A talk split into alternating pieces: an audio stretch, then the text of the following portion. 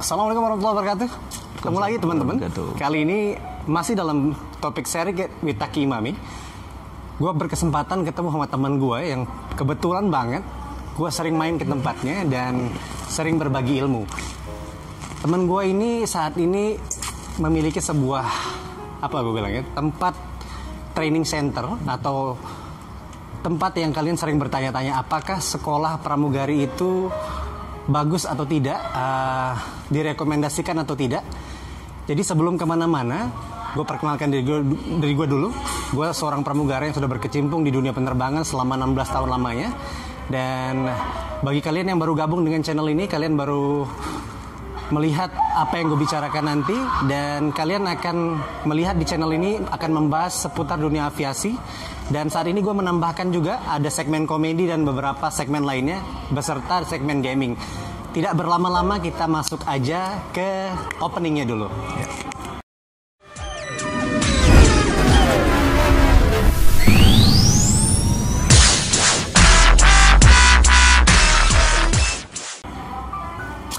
Oke, em, saat ini kita langsung ngomong ya. Biarkan orangnya saja yang memperkenalkan dirinya. Anyway, ini teman gua, namanya Coach Priyo. Halo, mana kameranya? Ah, dua-duanya. Doakan. Kalau Coach Priyo sendiri nih dipanggil Coach Priyo tuh setelah sering ngajar ya, Betul. ngambil uh, ngambil pendidikan atau apa ilmu untuk mengajar, training of trainer ya, Oke, iya. trainer of trainee ya, jadi dia bilang. Training of trainer Oke. bisa juga. Jadi sekarang sudah menjadi coach Priyo atau trainer ya. Betul. Baik, um, Coach Priyo mungkin boleh menjelaskan bagaimana latar belakang awal mula gimana masuk ke dunia penerbangan. Apakah dari dulu tuh memang sudah di sekolah kayak apa ya? Uh, ada kan universitas yang sekolahnya di bidang penerbangan kan? Khusus penerbangan gitu Oke, ya. Mhm. boleh dijelaskan? Oke, baik. Terima kasih eh, Mas Takwa Imami ya. Ya, boleh. They call me Imam boleh? Oh imam, imam, Imam, ya. Jadi kalau bicara tentang eh, pengalaman terbang, tadi kebetulan Mas Imam juga sudah menyebutkan kurang lebih 16 tahun ya, Imam. 16 tahun. 16 kebetulan saya juga ya tidak jauh-jauh sedikit lah sekitar 14 sampai 15 tahun juga berawal dari tidak ada background dari penerbangan sama sekali. Nggak ada sama sekali ya? sama sekali. Kita nggak pernah sekolah pramugari nggak pernah kenal dunia penerbangan nggak pernah tahu hal yang seluk-beluk dengan aviasi tidak ada. Strata uh, pendidikan? waktu itu masih kuliah. Kuliah masih saja. kuliah saja. Cuma kebetulan kok ada teman yang menawarkan informasi memberikan informasi lah kalau ada sebuah maskapai yang saat itu butuh lowongan untuk jadi pramugara. Dan Oh, sih waktu itu karena waktu itu dianggap punya sedikit kemampuan dalam bahasa Inggris disarankan untuk melamar Itu pertama kali ya? itu pertama kali jadi sebenarnya tidak ada background aviasi sama sekali Nggak ada sama sekali? betul Cuma punya niat untuk memperbaiki eh, kualitas hidup mungkin ya? Atau- Tujuannya pertama itu satu, kedua juga kayaknya gengsi aja gitu ya, keren nggak ya kerja di pesawat. Oh, Nah, selama oke, ini kan kita oke. anak daratan, anak Oke. gudang, anak pabrik, anak lapangan yang tidak pernah bermimpi untuk bisa kerja di penerbangan. Betul, oke. Jadi awalnya sih kayaknya keren ya kalau kerja di penerbangan. Nah itu yang menjadi awal mula kenapa akhirnya terjun ke dunia penerbangan. Jadi masuk Adam Air pertama ya? Betul, ada mer waktu itu. Adam Air. Pada saat itu bisa dijelaskan lagi bagaimana perjalanan karirnya sampai saat ini bekerja di mana gitu? Ya, ketika di Adam Air sempat menjalani selama tiga tahunan Mas Sampai Imam. bangkrut ya? Iya, Oke. sampai bangkrut. Eh, bankrupt. Bankrupt, ya. Bankrupt. Bankrupt, Kalau bangkrut agak kasar. kayaknya. Bankrupt, oke. Bankrupt ya. Tiga tahun sampai bankrupt, terus akhirnya mulai mencoba untuk beralih profesi, Profesi, kerja di perhotelan. Kurang Oh, lebih pada saat bangkrut langsung masuk ke perhotelan. langsung masuk dulu? perhotelan jadi jadi anak hotel jadi dari hotelier mulai ya? iya dari di bagian front office waktu itu Front office. jadi secara pengalaman secara kinerja performa juga tidak jauh beda Masih tidak banyak jauh dari perbedaan. hospitality ya? betul masih dunia Bidang pelayanan jasa, masih oke. hospitality masih jual jasa service Oh, tiga tahun empat tahunan kurang lebih terus akhirnya ada salah satu perusahaan maskapai penerbangan yang saat ini sangat saya cintai saya banggakan eh, membuka lowongan dan saat itu saya kok rasanya kangen terbang gitu yang tadinya terbang Ah, oke. jadi pramugara Oke, oke. terus beralih menjadi anak hotel terus akhirnya punya keinginan ingin terbang lagi sebagai pramugara. Melamar mungkin sampai enam kali tujuh kali baru keterima di maskapai tersebut. Maskapai yang sekarang ini. Begitu mas Imam. Eh, yang sangat menarik buat saya ceritakan tentang Coach Priyo ini orangnya itu gigi ya. Kalau boleh kalian lihat mungkin Coach Priyo ini kalau dilihat background dari keluarga sendiri apa dari keluarga yang mampu kah menengah atau berkecukupan? kategorinya sangat sangat apa? sangat sangat sangat sederhana.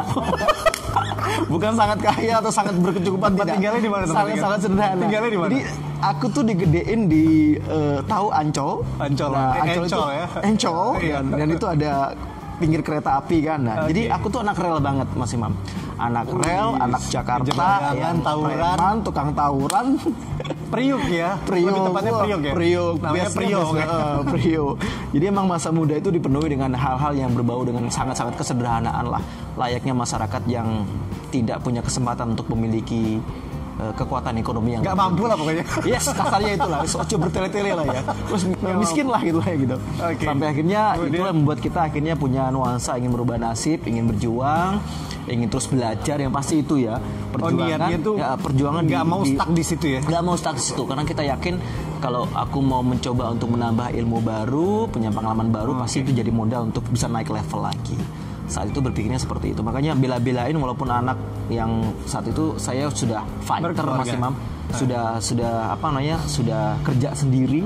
Kebetulan bapak juga sudah nggak ada, jadi udah biasa nyari duit Oh. Orang sendiri. sudah tidak ada. Sudah nggak ada. Oke. Jadi betul-betul yang berjuang gimana caranya aku bisa kuliah.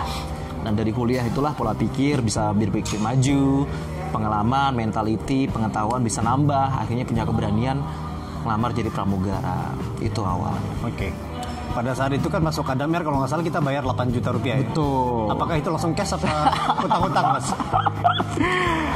Itu dulu sempat jual motor, Mas. Jual motor? Jual motor. Motor orang, motor sendiri. motor sendiri. Oh, iya. Jadi motor kesukaan yang waktu itu eh, menjadi teman bekerja Perjalanan lah ya. Iya, mencari akhirnya nafkah. berani ngambil resiko eh, kita jual motornya dan kita gunakan modal untuk biaya pendidikan di Berani mengambil ini ya, risk ya. Betul. Resiko. Kemudian setelah masuk di AirAsia, join di AirAsia. Kami tidak jauh beda. Saya batch 17 di AirAsia, dia batch 18. Tapi pendidikan kami berbeda pada saat itu saya melamar sebagai seorang uh, ekspra atau uh, flight attendant yang punya pengalaman dengan punya lisensi. Tapi tapi ketika masuk Air- AirAsia, kami malah dimasukkan di kelas inisial. Betul. Diulang lagi, di brainstorm lagi dan kami dibuat uh, training seperti layaknya inisial selama tiga bulan. Iya. Dan Mas Prio ini di batch 18 waktu itu menjadi rescue batch. Dia dibutuhkan sekali dan pada saat itu memang kekurangan karena manpowernya itu agak kurang ya Mas ya. Betul. Dan lagi Waktu itu peak mendekati season, peak season peak juga, season, dia jadi cepat dan Mas Prio pada saat itu punya kesempatan setelah dari hotel masuk langsung AirAsia join ya. Perjalanan dari AirAsia dari 2009 berarti Mas ya. Dari 2009 betul. 2009 hingga saat ini itu sudah berjalan 11 tahun lamanya. Yes, Dapat nggak jam 11 kemarin Mas? Eh, sedang on the way, Mas. Oh sedang, on the way. Katanya 10 tahun dapat jam kan? Iya. Alhamdulillah. Oh, Kita tunggu ya? aja nanti ya. Oh, Oke, Eh, gini guys, teman-teman, kalau dilihat dari perjalanan Coach Prio, Iya. saat ini nih Coach Prio punya satu usaha Iya. yang saya selalu eh, sampaikan di video-video saya bahwa jangan pernah sekolah pramugari, jangan sekolah, eh, jangan pernah sekolah pendidikan pramugari dan pramugara. Tapi terkadang di video lain malah saya mendisklaim atau membantah omongan saya sendiri. Ambillah sekolah-sekolah yang memiliki eh, standar yang baik. Sebagai contoh mungkin memberikan fasilitas tempat tinggal, kemudian eh, pendidikan silabus atau kurikulum yang baik, dan tidak hanya mengambil keuntungan dari para muridnya Betul. kita ngomong fair-fairan nih Mas Yes, Priyo. fair-fairan ya. Iya, Coach Priyo ya. Saat ini Coach Priyo tuh kenapa sih buat eh, eh, sekolah itu sebut saja Red Angels ya. Di Pari Oh, Mas sebutin ya, merek sendiri ya? ya. Oke, sebut saja kenapa Coach Priyo buat begituan. Setahu saya nih ya, paradigma orang atau stigma orang tuh tentang sekolah-sekolah ini ada yang bilang itu penipuan, ngambil untung dari dari apa dari para murid-murid tersebut. Sedangkan biaya pendidikan itu bisa di, dibelikan range tuh seperti kurang lebih dari 18 juta sampai 52 juta. Sampai 60 juta bahkan. Iya. Kadang-kadang itu ya orang jual rumah, jual tanah dan lain-lain. Itu kadang-kadang janjinya masuk kerja dan lain-lain. Jawab. Ya, eh, awalnya Red Angel itu sebetulnya eh, tidak pernah terbayangkan sama sekali. Jadi Nggak ada kebayang ya? tidak terbayangkan. Kebetulan saya berencana membuat sebuah training center itu tidak ada bayangan sama sekali.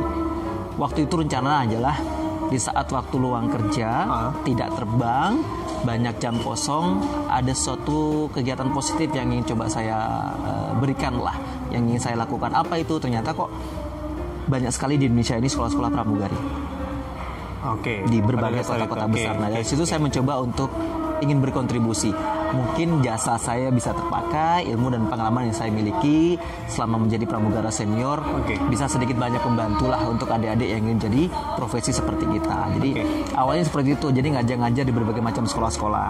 Eh, cuma dari dari beberapa kali saya mengajar itu ada satu hal-hal yang membuat saya merasa kok tidak cocok Mengganjal di mengganjal, terutama masalah biaya yang begitu besar Begitu bahkan wah, ya. orang tua itu betul yang tadi eh, Mas Imam sampaikan ada yang sampai jual tanah, Oke. jual harta benda sampai menggandakan sertifikat demi anaknya yang ingin jadi pramugari.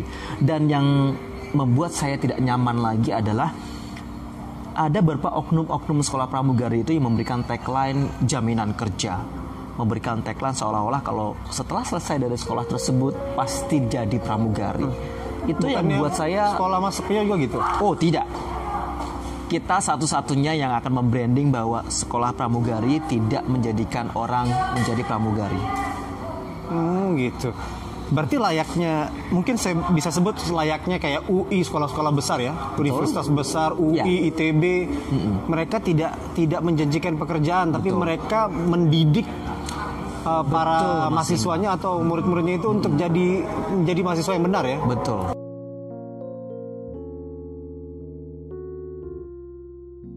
Jadi Mas Priyo, sebagai seorang awam lah, anggap saya sebagai orang awam ya. Iya. Saya pingin nanya nih Mas, tujuan Mas Priyo buat sekolah itu apa? Apa hanya untuk mengambil keuntungan saja? Atau apa ya saya bilangnya? Cuma mengisi-ngisi waktu luang Mas Priyo aja karena udah bosan terbang mungkin atau bagaimana? Mungkin ada latar belakang yang buat Mas Priyo, kayaknya saya harus buat sekolah ini. Terlepas dari Mas ngajar-ngajar tadi. Terus gimana? Jadi intinya Mas Imam eh, yang tadi sudah saya ceritakan bahwa ketika saya mengajar timbul banyak kesan-kesan. Ada hal-hal yang membuat saya kok merasa harus melakukan sesuatu yang beda. Bedanya itu kenapa? Karena saya melihat banyak terjadi sebuah informasi yang tidak tersampaikan Tidak tersampaikan tepat. baik. Ya, saya nggak bisa ngomong salah ya, tapi tidak tersampaikan secara baik, tidak tersampaikan secara tepat. Tentang apa? Tentang proses menjadi pramugari yang sebenarnya itu seperti apa? Seperti kita ketahui bersama bahwa kalau kita ingin jadi pramugari itu prosesnya panjang kan Mas Imam ada tes-tes yang harus kita ikuti setelah tes selesai juga ada training dari perusahaan ada tadi sempat Oke. tulis ada praktek segala macam. Nah itu yang tidak disampaikan oleh teman-teman kita yang dari oknum-oknum sekolah pramugari tersebut. Mereka bahasanya adalah seolah kalau mereka ada yang masuk ke sekolah pramugari mereka sudah diberikan jaminan jadi pramugari Nah, ini yang ini yang menurut saya sesuatu yang tidak sehat ini yang berdampak pada kerugian banyak orang di luar sana. Nah, inilah yang akhirnya membuat saya ingin mencoba membuat sebuah produk dan jasa yang baru. Itu hanya oknum-oknum lah ya. Ada oknum nih, walaupun sebagian besar iya. mungkin sebagian Karena asumsi dengan adanya jaminan itu kan otomatis banyak Mancing, masyarakat ya, akan merasa dapat kejelasan karir, kejelasan oke. pekerjaan. Walaupun akhirnya orang tua harus menjual banyak harta benda karena mereka mendapat informasi bahwa itu pasti Oh, dari pramugari. bekerja, ya, Nah, ini kan ini sesuatu yang salah, gitu. sesuatu yang tidak sehat. Makanya dengan saya membuat sebuah eh, project baru, harapannya adalah saya ingin berkontribusi bahwa proses untuk menjadi pramugari yang sebenarnya itu tidak seindah yang disampaikan oleh para marketing-marketing sekolah pramugari di luar sana itu yang oknum ya, yang mereka fokusnya hanya ingin mendapatkan murid banyak, dapat fee marketing banyak, tapi informasi secara jelasnya itu tidak disampaikan secara baik. Ada putus informasi di situ. Oh, itu putus yang itu yang informasi. Baik, disembunyikan. baik, baik. Itu yang disembunyikan. Jadi seakan-akan mereka hanya untuk mengambil uh, keuntungan saja, walaupun kadang-kadang anak-anak yang diterima tuh tingginya kurang. Betul. Padahal regulasi dari dari pihak maskapai sendiri sudah jelas ya, Betul. ada standarnya. Tapi mereka malah kadang-kadang memasukkan kurikulum yang seakan-akan ini untuk pramugari nanti gampang, bisa ditinggiin lagi. Jadi kayak memberikan harapan gitu.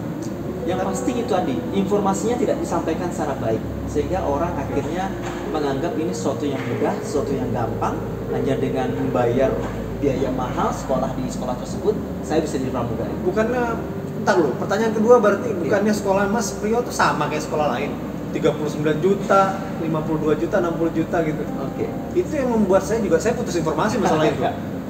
Nggak ada informasi resmi, mungkin ada punya website tuh gimana? Iya, kita punya website bisa diklik di redangel.id. Itu Oh, ada? Ada dong, redangel.id itu websitenya Red Angel resmi. Oke, Bisa diklik kemudian? itu produk dan jasanya kita sampaikan secara jelas. Kita juga banyak Instagram, kita banyak Facebook, segala media kita punya. Ini yang jarang dimiliki oleh teman-teman kita yang lain. Ah, saya putus lagi nih. Ya. Saya memiliki eh, teman-teman lah di sekitar saya tinggal di Jakarta ya. Ya. Banyak sekali beberapa sekolah itu dengan jumlah biaya yang saya bilang tadi 39 juta sampai 60 juta, 52 juta lah gitu. Mereka malah tidak memberikan fasilitas eh, tempat tinggal apa juga kadang-kadang mereka anak-anak itu apa ya hanya diberikan satu kali kesempatan untuk ikut rekrutmen walaupun hanya katakanlah Mas Priyo ini muridnya murid saya gitu kamu bayar sekian nanti kalau ketika ada rekrutmen kamu akan set money tapi hanya sekali habis itu dilepas tanggung jawab tidak ada tanggung jawab apakah Mas Priyo ini sekolahnya sama seperti itu apa enggak sih bayarnya berapa dulu nih Betul. saya ingin tahu nih apakah Mungkin kalau kita bicara teman-teman kita yang lain ya, Mas. Imam, uh, kalau ngomongin sekolah pramugari yang ada di Indonesia, awal-awal mungkin di atas 25 juta, di atas 30 juta. Bahkan ada sampai 40, 50 seperti Mas Imam sampaikan tadi. Dengan- Mas Priyo segitu juga Saya hanya di angka 9 juta. nggak mungkin Hanya di angka 9 juta itu durasi cukup dengan 3 bulan. 9 juta itu kita sudah full semua biaya sudah terpenuhi. Bagaimana kalkulasi kalau dibilang apalagi misalnya katakanlah ini jauh mas, Ya. jauh. Mas bilang tadi di Pare kalau nggak salah, di Pare. Bagaimana caranya mereka bisa survive di sana tahu murid guru, eh, guru lah atau enggak kurikulum dibangun suasana belajar itu gimana? Apakah hanya karena kampung Pare itu kampung Inggris kan? Mas Priyo tuh ingin bangun apa di sana? Oke. Salah satu yang menjadi keunikan kita, menjadi kelebihan kita, menjadi kekuatan kita adalah satu training center kita tuh tempatnya di kampung mas. Training center tuh di kampung. Oke. bukan oke. di kota besar. Nah, uh, kalau bicara soal uh, kondisi ekonomi, biaya hidup di kampung itu jauh lebih murah. Satu contoh kos-kosan. Kalau sekolah pramugarinya ada di kota besar, itu kos-kosan mungkin sebulan nggak nggak cukup dengan satu juta, nggak cukup dengan Oke. mungkin satu juta Masuk sampai delapan ratus. Sedangkan di kampung mungkin kita cukup bayar dua ratus ribu, tiga ratus ribu, kita sudah dapat kasar. Walaupun sederhana, Sederhana. walaupun ala desa. Tapi sebenarnya dari pelatihan kita itu yang kita mau goalkan itu adalah bukan tentang kemewahannya. Iya, mungkin banyak teman kita di luar sana pramugari identik dengan kemewahan-kemewahan. Oke. Tapi untuk bisa menjadi pramugari itu, untuk bisa mendapatkan kemewahan itu, kita butuh banyak perjuangan-perjuangan. Nah, nuansa perjuangan itu yang mau kita tawarkan, eh, mau kita tularkan selama pendidikan yang akan kita berikan tadi. Contohnya mungkin? tinggal di kampung. Selain itu mungkin contoh. Selain itu, yang kedua adalah banyak dari orang di luar sana tidak menyadari bahwa basic dasar untuk bisa menjadi pramugari itu kan kemampuan bahasa Inggrisnya harus kategori cukup. bukankah saya potong lagi Ya. bukankah setiap sekolah pendidikan seperti itu memberikan juga pendidikan bahasa Inggris Betul. Mereka memberikan. Tapi kalau bicara tentang kurikulum silabus, konsep seperti apa yang mereka butuh? Bedakan dengan kampung Inggris paling Kediri. Ini tidak terbantahkan. Dunia mengakui, Indonesia mengakui. Kampung Inggris paling Kediri itu adalah salah satu training center bahasa Inggris yang sudah sangat diakui secara kurikulumnya. Pagi, siang, malam kita belajar. Kita menerapkan dan itu English zone bukan Betul. hanya dalam satu ruangan ya Tidak, di mana pun bahkan orang jualan aja mau beli sesuatu kita harus pakai bahasa Inggris. Inilah kelebihan yang dimiliki oleh kita yang tidak dimiliki oleh digembleng anak-anak digembleng. Jadi Oh, bahasa Inggris itu betul-betul sangat kental di sana. Ini ilmu mahal yang tidak bisa didapatkan oleh teman-teman kita di luar sana. kemudian nih saya ingin tahu nih katanya pendidikan di sana itu eh, Mas Priyo sempat bilang bahwa pendidikan itu digembleng pagi siang malam selama tiga bulan Betul. itu benar-benar digembleng seperti itu dalam pendidikan apa nih kalau pagi kan di kelas Oke, formalnya kalau malam itu dibuat apa mas oke. Jadi Mas Imam, kalau kita bicara kurikulum, kita ngomongin soal teman-teman kita yang lain, ya, sekolah pramugari yang lain. Mereka tuh konsepnya kayak orang kuliah. Orang kuliah itu jadi sehari itu cukup belajar dua sesi, tiga sesi. Kalau durasi jam mungkin cukup dua jam, tiga jam selesai. Oke. Besok lagi lanjut dua jam, tiga jam selesai. Di Rep Angel tidak, kita full day training. Itu tagline kita. Dari mulai subuh bareng, sholat subuh itu kita udah jamaah. oh sudah dibarengi Sudah bareng, karena Oke. kita kan ada asrama. oh Jadi, baik ada yang asrama. mengawasinya ada instruktur yang mengawasinya langsung ada guru bahasa Inggris yang ada di asrama tersebut jadi semua kegiatan asrama itu terpantau dan ada aturan-aturan mainnya termasuk English zone itu tadi jadi apakah ada konsekuensi bila mereka melanggar? Oh, pasti. pasti. Kita main punishment punishment. Dari mulai mereka harus menghafal pocket eh, dengan kuantiti tertentu atau mereka harus denda dengan uang. Entah itu seribu rupiah dua ribu rupiah itu ada. Kita kita kita kondisikan sehingga ada semacam kayak keterpaksaan pada awalnya Baik. tapi nanti ujung-ujungnya ada kebiasaan. Nah itulah goal kita. Jadi tanpa disadari eh, nuansa bahasa Inggris itu melekat dalam diri setiap murid-murid kita. Nah, saya kembali lagi nih. Saya ingin jadi jadikan ini stress line, Mas. Ya, Dari beberapa sekolah, oknum lah, oknum-oknum tersebut, saya, saya, saya bisa cerita bahwa teman-teman ada beberapa sekolah yang juga memberikan asrama baik dalam pendidikan. But saya nggak bilang bahwa setiap sekolah itu jelek ya, tapi ini memang ada orang-orang yang money oriented berpikir bahwa meraup keuntungan dari orang-orang yang saya rasa kadang-kadang bukan nggak layak gitu. Saya pikir kayak standarnya kurang. Jadi mereka berharap lebih dari mulai pertama tagline mereka mungkin mereka bilang bahwa kamu akan diberikan pekerjaan, kamu akan mendapatkan pekerjaan sebagai pramugari atau pramugara. Saya kembalikan lagi nih ke sekolah Mas Priyo atau ke Mas Priyo. Bagaimana nih? Kadang-kadang murid Mas Priyo kalau saya lihat misalnya Mas Priyo pernah cerita bahwa murid tahun ini misalnya ada 40 orang, 50 orang. Kok bisa sebanyak itu? Pasti ada janji dong. Gak mungkin kalau nggak bilang akan dapat pekerjaan. oke, good, Bagaimana Mas Priyo bisa ngeyakini? good question.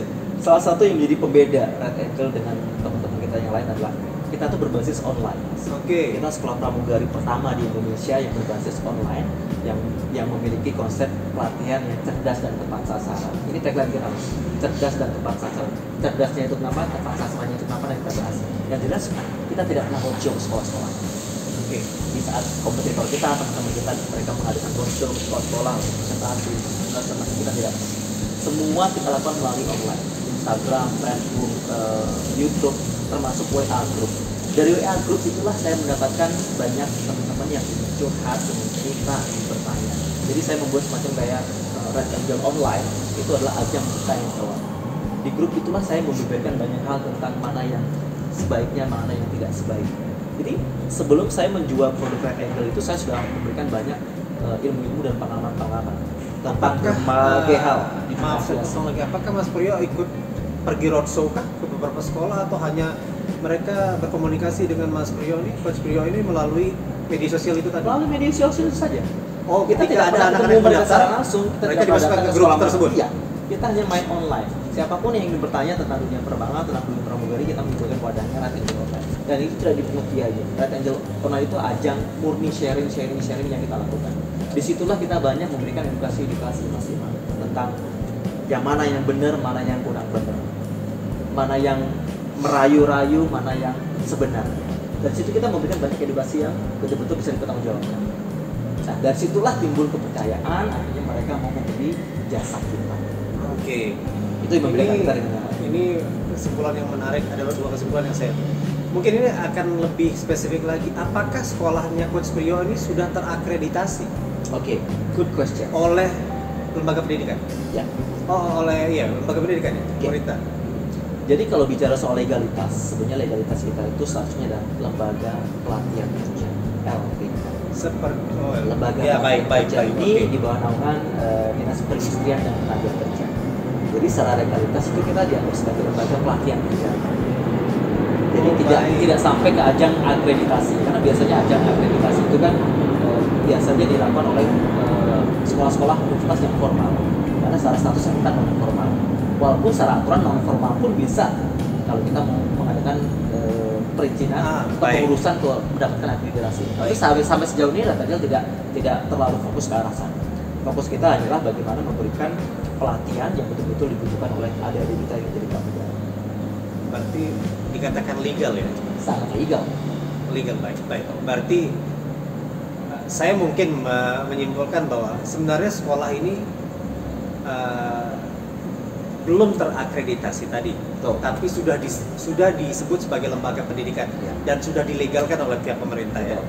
jadi bukan bukan sekolah abal-abal ya Buka. Uh, jadi mungkin saya akan terus menyerang Coach Priyo nih karena saya Karena saya nggak bermain- saya bingung dengan 9 juta rupiah Ya. di Pare Kediri Ya. Waduh, informasi dari dunia mana itu entah berantah mas. Perjalanan dari Surabaya ke Kediri itu tiga jam mas. Awalnya kita dibilang sekolah penipuan, Mas Imam. Di saat kompetitor kita bermain di harga 30 juta, 40 juta, kok ada sekolah pramugari yang 9 juta. 7 Itu- juta, 9 Iya, juta betul. ya. Kita dianggap penipuan. Makanya tapi gini loh, sebenarnya kita bukan sekolah. Kita itu lembaga yang memberikan pendidikan tentang praseleksi pramugari. Jadi kalau Mas Imam mau ngelamar kerja, bukan pekerjaannya yang kita pelajari, tapi cara proses bagaimana supaya diterima kerja. Di dalam Baik. proses itulah kita belajar Baik. tentang penampilan, teknik interview, kemampuan bahasa Inggris, kemampuan public speaking. Jadi Baik. lebih karena ke personality, bukan tentang ke pekerjaan atau profesinya. Nah ini yang mungkin yang menjadikan pembeda kita dengan sekolah-sekolah kita yang lain. Baik. Kalau sekolah yang lain kan fokusnya pramugari, yang mereka fokus dari A sampai malam belajar pramugari. Kita tidak. Kita lebih fokus ke persiapan kerjanya. Jadi bukan ke profesinya. Bagian di pro- eh, bagian pendidikan tentang profesi itu juga ada pastinya kan? Ada, Tapi, tapi tidak- hanya just to know. I mungkin. just to know. Karena masing-masing sendiri tahu bahwa yang berhak untuk memberikan pelatihan tentang profesi itu adalah Maskapainya sendiri betul Maskapai sekali. nanti yang memberikan Itu secara langsung. Saya sedikit puas untuk jawaban ini karena saya rasa ya gitu. Kebanyakan saya melihat saya selalu bilang Mas Coach ya. Saya selalu bilang bahwa ada satu waktu saya buat video nggak usah masuk sekolah pramugari. Karena kenapa? Bagi saya or- setiap orang tuh berhak untuk masuk tanpa melakukan pendidikan. Betul. Tapi dengan syarat saya bilang harus tahu apa tujuannya ke mana. Ya. apa yang harus dilakukan persiapannya seperti apa. Namun ketika di video lain saya bilang lagi kalian harus sekolah per- sekolah di pendidikan pramugari dan pramugara. Tapi dengan syarat bahwa kalau kalian memang nggak pede, nggak tahu cara berias, Saya ju- eh, jujur Mas Imam, banyak sekali adik-adik kita tuh menanyakan tentang hal ini. Sebenarnya kalau ingin jadi pramugari perlu nggak sih kak sekolah pramugari? Dan saya sebagai seorang pramugara senior, sebagai seorang yang mendirikan sekolah pramugari, saya jawabnya malah tidak perlu, loh gimana? ya kan? Nggak ada promosi dong. Gak ada promosi. Jadi kalau ada orang nanya perlu untuk jadi pramugari perlu nggak sekolah pramugari? Saya jawabnya malah nggak perlu, padahal saya sendiri punya sekolah pramugari. Seharusnya Mas Prio, iya Mas Prio harus mempromosikan ya. Harusnya kan saya bermanis-manis di Mungkin awal. itu cerita Mas Coach, Prio aja. itu benar bagaimana bagaimana karena, Coach Prio menjelaskan? karena pada dasarnya sekolah orang mau jadi pramugari itu tidak perlu menjadi sekolah pramugari dengan catatan dia punya modal-modal untuk lolos tes dan seleksi Harus ada note-nya ya. harus ada note-nya makanya yang saya tanyakan adalah kalau kamu mau jadi sekolah mau jadi pramugari nggak perlu sekolah pramugari Ikut di grupnya Coach Prio aja. itu bukan cuma di grup buku saya enggak tidak Enggak, Coach Prio kan ada buat kelas-kelas kelas online. online tuh nah, Iya. itu pertanyaan-pertanyaan itu saya jawab di kelas online tersebut Orang nggak perlu masuk sekolah malah ya. nggak perlu sekolah pramugari cuman permasalahannya adalah kalian cukup nggak punya modal untuk bisa lolos tes pramugarinya Ya, ada Nah, satu itu yang saya kata-kata Coach Prio yang ke bilang, dia. apakah kalian sudah pantas ya? Sudah pantas sudah memantaskan diri atau belum nah itu yang Ya, oke. selalu saya gunakan Tingginya cukup proses kah? memantaskan Ilmunya diri itu yang sudah ada dalam diri kita atau tidak pantas dari sisi apa coach penampilannya sudah pantas kok belum Oke. bisa nggak menguasai teknik interview mungkin nggak bisa menguasai soal-soal psikotes dan yang paling utama bahasa Inggrisnya sudah seperti apa kemampuannya cukup. Nah inilah yang menjadi dasar dari pelatihan praseleksi yang kita lakukan. Kalau empat modal atau lima modal ini sudah dikuasai oleh teman-teman di luar sana, ya mereka tidak perlu sekolah. Langsung saja fight di maskapainya ikut tes dan seleksi. Jadi pertanyaannya yang lebih cocok itu, kalau saya menjadi pramugari dan saya tidak punya modal, saya belum pantas untuk ikut tesnya, bisa nggak sih saya ikut sekolah pramugari? Baru bisa, baru boleh. Jadi harus ada perbedaan di kalimat-kalimat tersebut, Mas Imam. Karena kalau tidak, itu lagi. Kalau informasinya tidak disampaikan secara jelas, akhirnya nanti menimbulkan harapan-harapan yang berlebihan. Baik. Manis-manis di awal, muluk-muluk di awal, artinya tepat di belakangnya banyak keutan-keutan. Itu yang saya hindari. Makanya di, di grup online itu saya banyak memberikan motivasi, banyak memberikan tentang pencerahan-pencerahan sebenarnya proses menjadi pramugari itu alurnya seperti apa sih? Di situ saya beberkan sih. Oh, baik. Coach Prio juga menganjurkan kepada mereka untuk nggak harus untuk sekolah ya. Nggak harus harus sekolah. Nggak harus sekolah di Red Angel juga ya? Nggak harus sekolah di Red Angel. Selama mereka cukup punya, punya kemampuan untuk memantaskan diri. Saya malah terbuka seperti itu. Kasirnya seperti ini loh, Mas Imam. Mas Imam sudah punya banyak kelebihan. Mungkin Mas Imam harus mengeluarkan uang untuk ikut sekolah yang di mana Mas Imam sudah punya ilmunya. Buat apa? Iya, ngapain? Ini Makanya diulang-ulang ya. Makanya saya tanya, Mas mau jadi pramugara? Mau Udah punya bekal belum? udah punya bekal udah ya udah punya apa saya gue sudah bagus tinggi sudah cukup penampilan sudah bagus public speakingnya bagus mentalnya sudah keren dan sudah mas sudah ready kok mas sudah siap harus interview. banyak yang saya sampaikan seperti itu Nggak usah masuk sekolah. Nggak usah. Nggak usah. buat apa mengeluarkan biaya di mana kita sendiri sudah punya cukup banyak kemampuan diri Oke. Itu kita ngomongin uh, pra seleksi ya. betul Kalau Nah, sekarang seleksi. nih- di bahasanya Red Angel itu adalah pelatihan praseleksi pramugari bukan sekolah pramugari ya Red Angel itu adalah pelatihan praseleksi Oke. pramugari. Pelatihan untuk menjadi pramugari ya. Pra- pelatihan Bukan pramugari. untuk menjadi pramugari, harus diralat. Oke. Pelatihan praseleksi pramugari. Kita memberikan banyak training-training untuk Sebelum untuk persiapan mengikuti interviewnya. mengikuti Bukan tesnya. menjadi pramugarinya. Bukan menjadi pramugarinya. yang Nah, berhak itu maskapai. Betul. Nah ini kan bahasa-bahasa yang tidak sehat kalau seandainya itu oke. disampaikan secara tepat. Ada Seolah-olah satu kalimat yang tidak tersampaikan. Oke. Oke. Satu kalimat akan merubah maknanya. Betul. Betul. Baik. Apalagi market mereka banyak kan market dari kita orang-orang menjadi pramugari itu lah orang dari desa-desa yang mindset untuk kuliahnya tidak ada yang harapannya pengen langsung kerja. Bikin punya kehidupan lebih layak. Betul. Jadi perbedaan kalimat kata itu bisa maaf maaf, bisa salah tafsir dan akhirnya bisa menimbulkan kerancuan-kerancuan. Nah, begini Mas Godfrey ya, saya ingin tanya nih. Terlepas dari praseleksi tadi, anggap saja semua sudah training. Ya. Pastinya tidak semua kan, tidak 100% yang menteri menjadi seorang pramugari dan pramugara. Betul. Apa yang mereka dapatkan setelah itu? Apa ke mana mereka itu? Oke, kalau kita bicara dari Red Angel sendiri, dari awal kita sudah jelaskan bahwa kalian tujuan di sini untuk praseleksi pelatihan pramugari.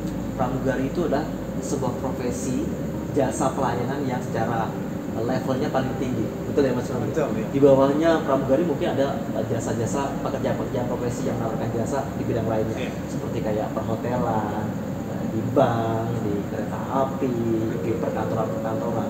Pokoknya profesi apa pun yang membutuhkan jasa pelayanan, kurikulum kita itu sudah kuat. Jadi walaupun saat itu dia belum belum berkesempatan untuk menjadi seorang pramugari, dia punya kesempatan untuk bekerja di bidang jasa lainnya lagi. Oke. Dengan catatan ilmu pelayanan jasanya itu sudah dimiliki. Makanya fokus dari materi silabus pelatihan praseleksi pramugari itu kebanyakan besar adalah eh, materi-materi tentang bagaimana sih harus melayani. Hospital. hospitality training. Itu yang betul-betul jadi nyawa dari intisari uh, kurikulumnya Red Angel. Beda dengan yang lain. Yang lain fokusnya adalah materi-materi keprofesiannya. Pramugari itu ngapain aja ngapain aja. Betul. dari 100% kita materi pramugari itu paling hanya 20% mas 80% nya kita belajar mental banyak orang dijejali dengan ilmu-ilmu profesi tapi untuk interview aja grogi Oke. untuk interview aja nggak bisa jawab Oke.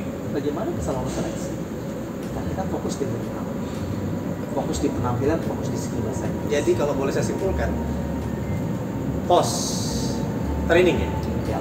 pos training atau akhir dari training itu nggak semuanya jadi pramugari. ya. tidak semua Tapi jadi pramugari mereka juga punya kesempatan kerja di tempat lain ya. betul Yang seperti perhotelan yang Coach Priya bilang tadi ya. betul apalagi konsep kita sekarang nggak pramugari loh mas Iman kita pelatihan pelatihan pramugari dan perhotelan Oke. jadi kita memberikan eh, jasa training di perhotelan juga sampai ke magang di hotel-hotel di bintang lima. dan lain-lain juga betul, diajarkan. betul. jadi kesempatan untuk magang langsung di kerja Nah, ada yang kemarin sempat sempat mengganjal sama saya nih Pak Coach Priyo. Kadang-kadang kan ada tempat pelatihan pramugari atau pendidikan pramugari pramugara itu mereka tuh apa ya melakukan yang tidak seharusnya dalam tanda kutip misalnya gini kita tuh di akhir training nanti melakukan evakuasi layaknya pramugari tapi ya saya suka bingung kadang-kadang hanya di kolam renang biasa bokap tidak ada apakah Priyo melakukan hal itu apa enggak oke alasannya satu. apa Betul. Strateginya melakukan itu, tapi tujuannya adalah bukan untuk belajar tentang evakuasinya, tapi memberikan sebuah doktrinasi bahwa pekerjaan seorang pramugari itu berhubungan dengan keselamatan. Jadi lebih ke arah kalau seandainya situasinya seperti ini, mental kita siap atau tidak. Oh, Jadi bukan persiapan teknik mental. penyelamatan ya tidak ya. Kita tidak punya hak untuk memberikan teknik tentang penyelamatan itu. Nah, jadi saya bilang yang berhak memberikan training tentang pramugari adalah maskapai di bawah instruktur-instruktur yang sudah berlisensi. Baik. Yang kita mau berikan itu adalah nuansa-nuansa untuk menumbuhkan mental. Banyak dari adik-adik kita yang nggak bisa berenang. Nah, kita ceburin ke kolam renang. Takut nggak dia sama air? Bisa nggak dia berenang? Jadi nuansa-nuansa menumbuhkan mental itu jadi goal utama dari eh, pelajaran-pelajaran tentang evakuasi di kolam renang kita. Ah. Bukan mempelajari tentang evakuasinya, tapi ke, ke arah ke mentalitinya kita. Jadi- Nggak tahu ya kalau sekolah lain tujuannya ke mana ya. Oh baik, baik, baik.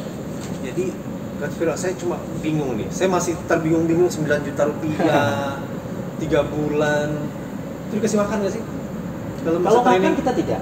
Tapi Oh, yang mereka- berikan adalah uh, tempat tinggal, tempat tinggal asrama, pendidikan, pelatihan. seragam dan tidak ada biaya tambahan apa. Kalau bahasa Inggrisnya? bahasa Di Ginjotnya full day training Full day training. dari mulai subuh sampai jam 12 siang. Dari jam 12 siang break sampai jam 1, jam 1 itulah materi-materi eh, yang saya sebutkan tadi, materi-materi tentang personality, materi tentang performance, materi tentang skill, eh, materi tentang profesi, self defense kita ada juga termasuk olahraga olahraga itu kita ajar dari jam 1 sampai jam 5 maghrib selesai. Baik. bersamaan lagi ajar lagi bahasa Inggris lagi. Begitu Berarti kurikulumnya tidak jauh sama sekolah-sekolah yang bayarnya 39 juta itu ya? sangat jauh. 52 juta. Kalau Maksudnya kur- saya hampir bilang- sama tapi di, di, di, dirangkum dalam bentuk yang lebih padat gitu. saya menyebutnya tidak hampir sama. Justru secara kurikulum kita jauh lebih padat.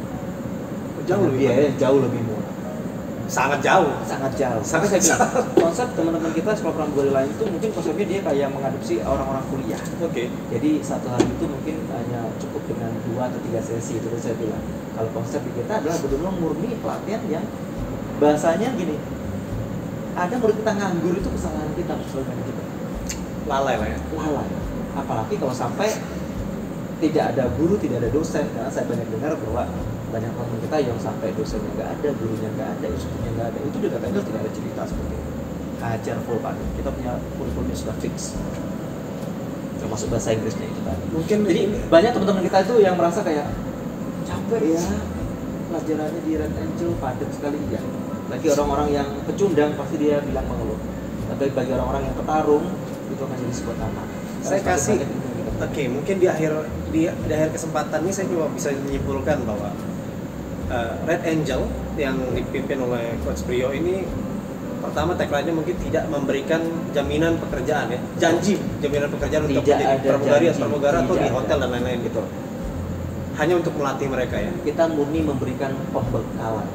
Oke, kemudian yang saya yang saya simpulkan adalah yang kedua tuh biaya yang biaya yang sangat murah, jauh dari standar yang sekolah lain kalau saya pikir. Dan yang ketiga tuh di- ditekankan untuk disiplin.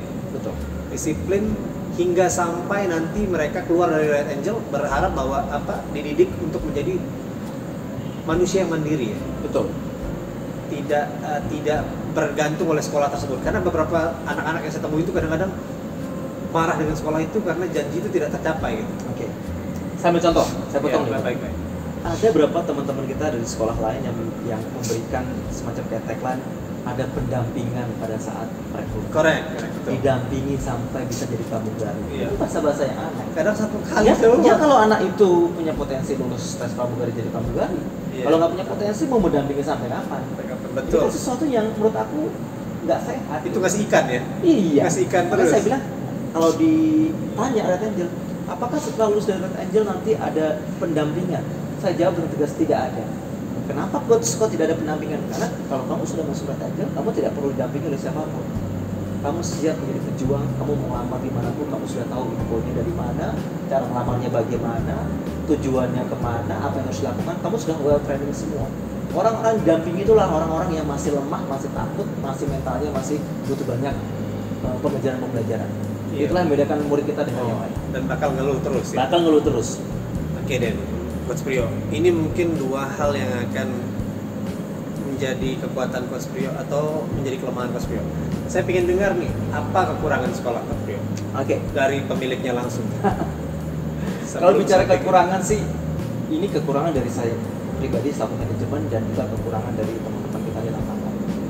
Banyak sekali teman-teman kita yang menjadi pramugari, tapi kebanyakan mereka tidak cukup dibekali dengan kekuatan komunikasi dalam hal bahasa Inggris. Jadi kurikulum yang kita terapkan selama 3 bulan, 4 bulan itu kadang masih membuat mereka tidak cukup menguasai bahasa Inggris. Mas Imam pasti paham untuk bisa menguasai bahasa Inggris itu butuh waktu yang lama. Betul. Jadi terkadang kalau bicara soal kekurangan, saya itu berharap bisa membuat sebuah project training yang lebih panjang, tapi betul-betul memberikan ilmu yang betul-betul matang. Makanya kalau bisa ya biaya itu tetap ingin, ingin kita naikkan, tapi dengan dengan asumsi bahwa ada semacam kayak pembekalan dari sisi bahasa Inggrisnya itu. Karena bahasa Inggrisnya nggak bisa kita konsepkan secara instan. Mas. Mau nggak mau kita butuh proses lama dan proses lama itu pasti butuh biaya lebih lama. Jadi kelemahan kita di situ. Kita mau mencoba meng-up harga supaya betul-betul memberikan eh, pelatihan bahasa Inggris yang betul-betul maksimal. Tapi secara kekuatan biaya kita mengkhawatirkan itu bisa membebani umur-umur kita dewasa. Baik. Ada mungkin kelemahan lain? Mungkin Coach Priyo ingin Terus yang kedua kelemahan kita adalah banyak teman-teman kita itu yang maaf maaf yang masih imam mungkin ini beda generasi. Di satu sisi saya ingin banyak memberikan ilmu secara luas sebanyak banyaknya, tapi satu sisi mungkin mereka merasa kayak terlalu banyak. jadi mereka Oh. maunya tuh yang santai maunya yang Dipikir pramugari seperti itu. betul padahal banyak yang harus kita perjuangkan untuk bisa menjadi profesi pramugari nah ini coba saya tularkan jadi bicara soal mental tuh banyak teman-teman kita ada di kita tuh yang jiwa-jiwa mengeluh jiwa-jiwa anak manjanya itu masih banyak. Di situ kita sering banyak terjadi eh, ya semi konflik lah antara anak dengan orang tua dengan manajemen anak-anaknya ngeluh ke orang tua orang tua lapor ke kita kecapean kepadatan apa terlalu terlalu banyak pelajaran akhirnya membuat anak kita menjadi ya, merasa tertekan. Padahal Oh, ya, mungkin saya bisa ngasih masukan kali Coach Priyo. Pertanyaan yang tadi, andaikan anak saya masuk di sekolah Coach Priyo, bagaimana saya tahu tanpa anak itu mengeluh? Seharusnya mungkin dari situs atau website tadi, saya bisa mengakses kegiatan harian yang bisa saya lihat itu dalam bentuk uh, foto saja. Pagi ini dia mengerjakan apa, mungkin orang tua bisa nggak perlu nggak perlu dengar langsung dari anaknya. Oke. Kalau anak yang lapor, dia, dia, dia udah lihat kegiatan anaknya di Iya. Jadi Itu mungkin. sebelumnya komunikasi kita dengan orang tua itu juga sangat intens Mas Imam. Dari awal ada semacam precision khusus bahwa oke. siapa pun yang masuk Red Angel orang tuanya harus berkonsultasi dulu dengan manajemen. Manajemen akan memberikan secara detail tentang gaya Pendidikan yang kita miliki, gaya pendidikan ya. yang kita miliki, termasuk nanti faktor errornya akan terjadi seperti apa, kelemahannya seperti apa, itu kita sampaikan. Jadi orang tua tuh banyak dari awal sudah paham, sangat mengerti. Kalau orang tua ingin tahu kira-kira konsep kita seperti apa, kita sudah menyediakan wadahnya. Facebook, Instagram, YouTube, itu setiap hari training jenisnya apa, kita selalu upload. Itulah yang membedakan kita dengan teman-teman kita di sekolah lain. Oke. di saat yang lain menutup diri untuk mencoba membranding apa kegiatan mereka justru kita branding seluas-luas sehingga orang lain tuh tahu inilah menjadi kelemahan kita kenapa walaupun kita online tapi guru-guru kita cukup sangat memadai walaupun tidak pernah tahu sekolah baik terima kasih teman-teman adik-adikku di luar sana yang ingin menjadi pramugari saran saya satu Mas Imam untuk bisa menjadi pramugari itu tidak semudah orang mengucapkan kata Kembalikan telapak tangan ya. Betul. Tidak semudah membalikan telapak tangan, butuh proses panjang. Proses panjang inilah yang harus banyak diperjuangkan. Jadi, kalau sampai ada oknum di luar sana yang memberikan statement-statement tentang jaminan kerja, penyaluran sampai jadi pramugari. Pendampingan sampai jadi pramugari, itu semua hanya rayuan-rayuan di mulut saja. Karena sejatinya untuk bisa menjadi pramugari itu adalah diri kita sendiri dengan kemampuan dengan ilmu yang kita miliki sendiri. Prosesnya kita sendiri yang menjalani. Jadi jadi pramugari atau tidak jadi pramugari itu bukan tergantung dari sekolah pramugari, tapi tergantung ilmu yang dimiliki oleh masing-masing pribadi. Itu satu. Terus yang kedua adalah di Red Angel sendiri kita memberikan banyak pelatihan-pelatihan yang konsepnya adalah praseleksi pramugari. Jadi kalau kamu ingin jadi pramugari, kamu harus melewati fase-fase di mana ada seleksi, ada tes. Tes, tes dan seleksi itulah yang menjadi bagian dari kurikulum kita yang mau kita ajarkan, yang mau kita sharingkan. Dengan kalian mempelajari banyak tentang tips, strategi, bagaimana menghadapi tes dan seleksinya, kalian akan lebih percaya diri, kalian akan lebih tahu harus bagaimana, harus bersikap seperti apa, berpakaiannya bagaimana, kemampuan apa yang harus dimiliki untuk bisa lolos tes dan seleksinya. Jadi yang kita butuhkan, yang kita ajarkan, yang kita berikan itu adalah cara-caranya bagaimana menghadapi tes dan seleksinya, bukan untuk menjadi pramugari. Dan yang terakhir adalah biaya kita sangat murah, Mas Imam. Dengan biaya yang murah kita insya Allah akan dapat memberikan ilmu yang eh, sangat luar biasa. Yang kita berikan adalah ilmu bukan fasilitas.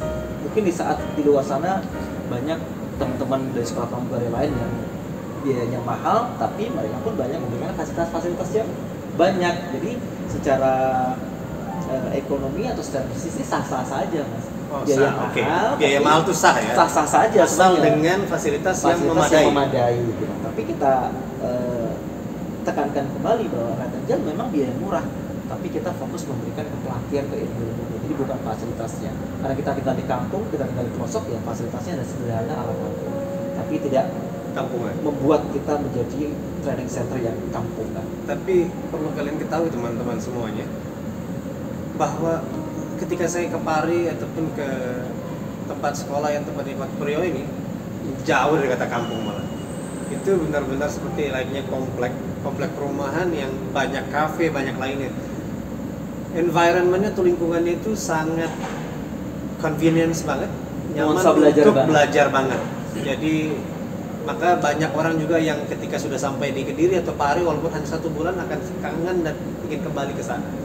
Coach Priyo mungkin eh, saya ingin menyampaikan keluh kesah. Mungkin saya akan mewakili orang-orang yang tidak jadi menjadi pramugari atau pramugara dari sekolah Coach Priyo mungkin Coach Priyo ingin menyampaikan kepada mereka Ya. apa yang ingin Coach Priyo sampaikan kepada teman-teman yang belum jadi atau tidak jadi mungkin- mungkin ada yang kesal juga Iya. Coach Terima kasih apa Mas Imam. Insya Allah kalau murid-murid dengan Tengkel tidak ada yang kesal walaupun Wow. mereka belum jadi pramugari pramugari. Baik. Karena kita tidak memberikan janji-janji. soalnya kadang-kadang saya ketemu orang-orang seperti itu Coach Itu udah dari- keluar dongkolnya itu mungkin dari sekolah lain Mas Imam. Kalau sekolah lain saya banyak mendengarkan kecewaan-kecewaan. Kenapa kecewa? Sebenarnya kecewa bukan karena sekolahnya. Kecewa karena oknum-oknum yang menjanjikan menjanjikan itu tadi. bukan sekolahnya yang Bukan salah ya. sekolahnya, karena mungkin sekolahnya bagus, sekolahnya banyak memberikan training, memberikan ilmu-ilmu, tapi ada oknum-oknum entah staff marketingnya, entah calo-calonya, entah oknum-oknum tertentu dari pihak sekolahnya sendiri. mungkin ownernya tidak salah ya Ownernya mungkin tidak salah, secara manajemen mungkin baik-baik saja, tapi ada oknum-oknum yang hanya demi mengejar bonus kuota, ya. bonus, akhirnya melakukan banyak hal cara yang menjanjikan dan ternyata itu tidak, tidak bisa ditepati ya. Itulah yang membuat mereka marah, eh eh, kecewa. Jadi buat teman-teman di luar sana yang betul-betul ingin menjadi pramugari ya hati-hati untuk mendapatkan informasi dan yang banyak tanya yang jelas supaya tidak mudah untuk dijadikan kelinci percobaan yang disalahgunakan. Terus bagi teman-teman yang belum punya kesempatan jadi pramugari, semua itu ada waktunya, semua itu ada eh, takdirnya, semua itu ada jalannya. Ya selama kita masih punya semangat berusaha ya sama berusaha. jangan berhenti Jangan berhenti. Tapi kalau selama usaha itu ternyata sudah lemas dan sudah tidak ada, yakinlah bahwa di luar sana ada peluang-peluang lain yang sudah menunggu kita. ya Jadi jangan berpacu pada satu profesi, eh, tapi akhirnya malah membuat kita jadi tidak panjang. baik Sedikit Eh, bisa betul betul jadi terima kasih Coach Priyo untuk kesempatan malam hari ini saya bisa ngobrol sore hari dan sampai malam hari ini. Eh, sedikit terjawab dan lumayan terjawab uh, sudut pandang saya tentang beberapa sekolah. Berarti sekarang kita bisa mengkategorikan ya sekolah-sekolah tersebut. Bukan sekolahnya yang salah tapi oknum-oknum di belakangnya yang bermain untuk keuntungan mereka sendiri ya. Betul. jadi kadang-kadang kita tuh jangan menjudge satu sekolah salah. Nah ini juga menjadi uh, paradigma baru, Betul. sudut pandang baru bagi saya. Saya nggak akan melihat sekolah itu salah. Jadi Satu hal lagi yang segala bawahi, semua sekolah baik, Mas. Semua Saya sekolah setuju, baik. karena goal dari sekolah itu kan memberikan ilmu, betul, memberikan itu pembelajaran, itu memberikan juga training. manfaat ya mas. Itu manfaat, tidak ada yang jelek. Jadi jangan sampai ada satu bahwa sekolah itu tidak baik. Semua sekolah saya kira baik. Yang kurang baik adalah ada penyampaian informasi-informasi yang tidak seharusnya yang dilakukan oleh oknum-oknum yang tidak bertanggung jawab. Poinnya di situ aja. Baik teman-teman semuanya, eh,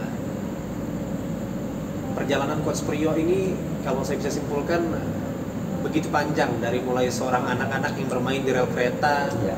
tawuran dan lain-lain membuat dia untuk berpikir ingin lebih maju lagi, menggapai cita-citanya dan membahagiakan kedua orang tuanya. Dan Coach Priyo ini bukan orang-orang yang dari keluarga yang berada, dia menjadi orang yang saat ini membuat saya termotivasi. Jadi kalau saya sampaikan ke Coach Priyo bahwa iri dan dengki itu hal yang hampir sama tapi berbeda esensinya. Ketika saya melihat Coach Priyo ini saya menjadi iri. Kok bisa ya dia buat sekolah seperti ini? Apakah niatnya menipu atau tidak? Ini gunanya kita melakukan verifikasi. Jangan melakukan judgement kemudian verifikasi, namun lakukanlah metode yang kedua, verifikasi kemudian judgement. Judgement saya jadi berubah karena verifikasi yang disampaikan Coach Priyo membuat paradigma saya berubah dan saat ini sudut pandang yang saya lihat dari sekolah-sekolah ini semakin berkembang. Jadi di otak saya mengatakan saat ini bahwa sekolah tidak setiap sekolah itu bagus dan tidak salah, namun hanya oknum-oknum di belakangnya saja yang mencoba meraup keuntungan dari orang-orang di luar sana yang tidak tahu apa-apa. Dan kita bisa lihat pelajaran bahwa Coach Priyo sampai saat ini bekerja sudah hampir 4, 4 15 ya. 14 15 tahun lamanya. Eh, semoga lancar karirnya Coach Priyo. Keluarganya juga diberkahi dengan niat membantu orang lain. Saya punya selalu punya satu statement dan satu punya kata-kata yang saya selalu bilang menjadi orang yang berguna jauh lebih penting daripada hanya ingin yang dianggap penting. Priyo, Coach Priyo ini teman saya dari dulu. Jadi saya melihat dia dari mulai tidak jadi apa-apa hingga saat ini belum jadi apa-apa juga. Tapi dia terus memberikan kontribusinya untuk desanya. Coach Prio saat ini kembali ke desanya ya, Betul. membangun desanya. bangun desa menuju desa wisata Kita doakan saja. Mungkin ada video-video nanti di kemudian hari yang akan saya liput melihat sekolah Coach Prio yang baru di daerah Bojonegoro ya Coach ya. Itu akan dibangun sekolah seperti alam ya, sekolah alam gitu ya. learning center konsepnya di tengah hutan Di tengah hutan oke. Mas Imam di tengah sawah jauh dari pemukiman tapi betul-betul seperti layaknya terpenjara tapi itu akan menjadi tujuan yang sangat berharga dan akan selalu dikenang untuk orang-orang yang belajar training sana. center yang akan menjadi training center pertama di Indonesia yang luar biasa Baik. Teman-teman terima kasih buat selalu pantengin video ini. Jika kalian ngerasa video ini berguna buat kalian semua, jangan lupa di like videonya, komen serta subscribe channelnya. Kalau kalian juga nggak suka, tidak apa-apa, dislike karena itu akan mengingatkan saya bahwa dan itu akan menjadi pecutan buat saya agar saya menjadi konten kreator yang lebih baik ke depannya. Buat Coach Rio, terima kasih buat ilmunya, Sama-sama. merubah sudut pandang saya, teman-teman di luar sana. Semoga konten ini berharga dan kalian semua saya doakan sukses, jaga keluarga kalian, diri kalian, jauhi segala sesuatu yang membuat kalian merasa menjadi rugi dan ikuti peraturan pemerintah tentang pandemik saat ini. Kalian semua menjadi orang-orang yang beruntung melihat channel ini.